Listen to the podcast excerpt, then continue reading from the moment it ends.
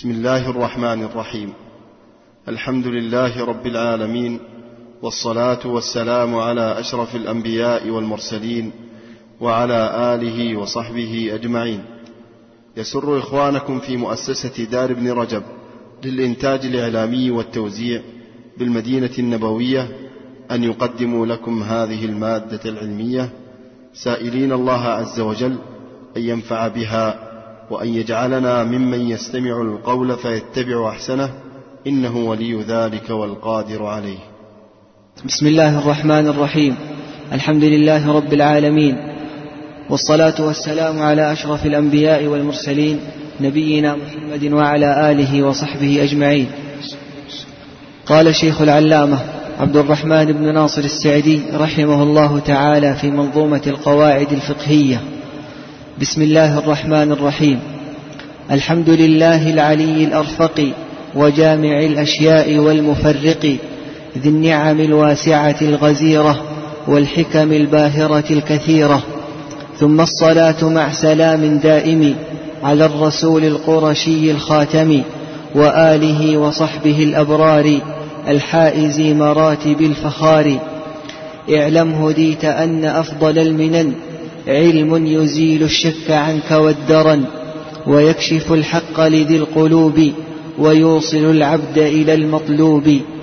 فاحرص على فهمك للقواعد جامعة المسائل الشوارد لترتقي في العلم خير مرتقى وتقتفي سبل الذي قد وفقا فهذه قواعد نظمتها من كتب أهل العلم قد حصلتها. جزاهم المولى عظيم الأجر والعفو مع غفرانه والبر.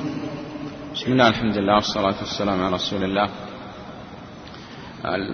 بعد أن درسنا أصول الفقه أو شيء من الأصول ناسب أن نذكر شيء من القواعد الفقهية. المؤلف رحمه الله تعالى شرح هذا النظم.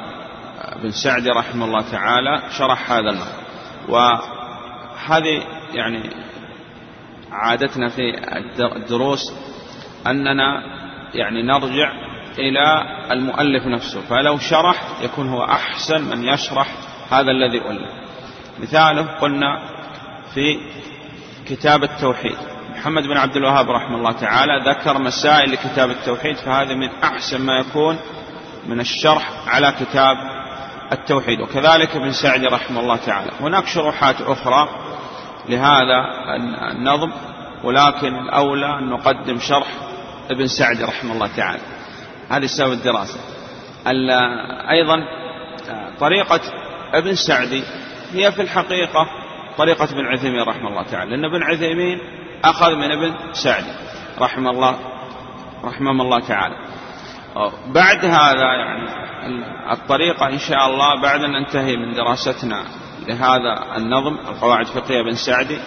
الأصل أن نرجع لنظم بن عثيمين رحمه الله تعالى وليس له إلا نظم واحد في الأصول. فتجد أن نفس كلام ابن سعدي أحيانا يأتي به الشيخ بن عثيمين رحمه الله تعالى. فهذه في طريقة الدراسة يعني لا إشكال إن شاء الله تعالى لأنهم كأنهم قولهم قول واحد ولا يختلف. طيب القواعد الفقهية. لماذا ندرس القواعد الفقهية؟ ما السبب؟ أولا نصيحة العلماء. وليس لنا أن نبتدع طريقة جديدة في طلبنا العلم. وقال هو هنا في النظم أن تجمع مسائل متفرقة كثيرة بكلام مختصر واضح سهل. وهذا يجعل الإنسان يضبط العلم بأمور متفرقة يضبطها أحيانا بكلمة أو أكثر. طيب القواعد تنقسم كما ذكرنا في القواعد في الأسماء والصفات نذكر في القواعد هنا. القواعد تنقسم إلى قسمين. قاعدة هي في الأصل نص من كتاب أو سنة وهذه لا يمكن أن يلحقها خطأ إطلاقا صح؟ القاعدة الثانية تكون عن اجتهاد وهذه قابلة للأخذ أو الرد. بعد هذا ما هو الفرق بين القواعد الفقهية وأصول الفقه؟ نعم. نعم. يؤخذ منها حكم. والأصول؟ نعم. طيب غير من الفروقات. البحث في القواعد الفقهية يكون مسائل الفرعية في أصول الفقه في المسائل الإجمالية علم يبحث عن أدلة الفقه الإجمالية وكيفية الاستفادة منها وحال المستفيد.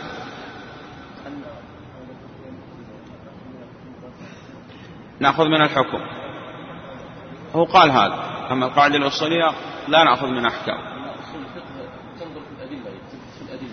أصول الفقه النظر في الأدلة والقواعد في المسائل والتفريعات. ويقول أنه الفرق أيضا لو تنظر في أصول الفقه تجد أصول الفقه هو كالنحو. مثال الآن في علم النحو تعرف أنه هذا فاعل؟ وهذا فعل وهذا مفعول به صحيح؟ وهذا مبتدأ وهذا خبر وهذا أمر وهذا نهي. لأنك لا تستطيع أن تفهم الكلام إلا بمعرفة الأصول وعلم النحو. لأنك ما تعرف من هو الآمر والمأمور والمبتدأ والخبر وغيره. ولذلك قال أمر وصيغ الأمر فعل الأمر. إذا لا يمكن أن تفهم الكلام إلا أن تعرف فعل الأمر وفعل المضارع. ولذلك ذكروا هذا في تقسيم الكلام من حيث التركيب إلى اسم وفعل وحرف. وذكروا شيء في الأصول من علم النحو. لكن بالنسبة للقواعد الفقهية القواعد الفقهية هي التي تؤخذ منها الأحكام. ففي الأصول وفي الفقه لا نأخذ أحكام لكن هنا نأخذ أحكام. طيب نعم. نعم. النتيجة والثمرة بعد دراسة الأصول والنحو تثمر بأن تأتي بالقواعد ولذلك ناسب بعد أن درسنا أصول الفقه أن ندرس القواعد الفقهية. أي نعم. صحيح هذا هو اللي قلنا مثل علم النحو ذاك وهذا غيره.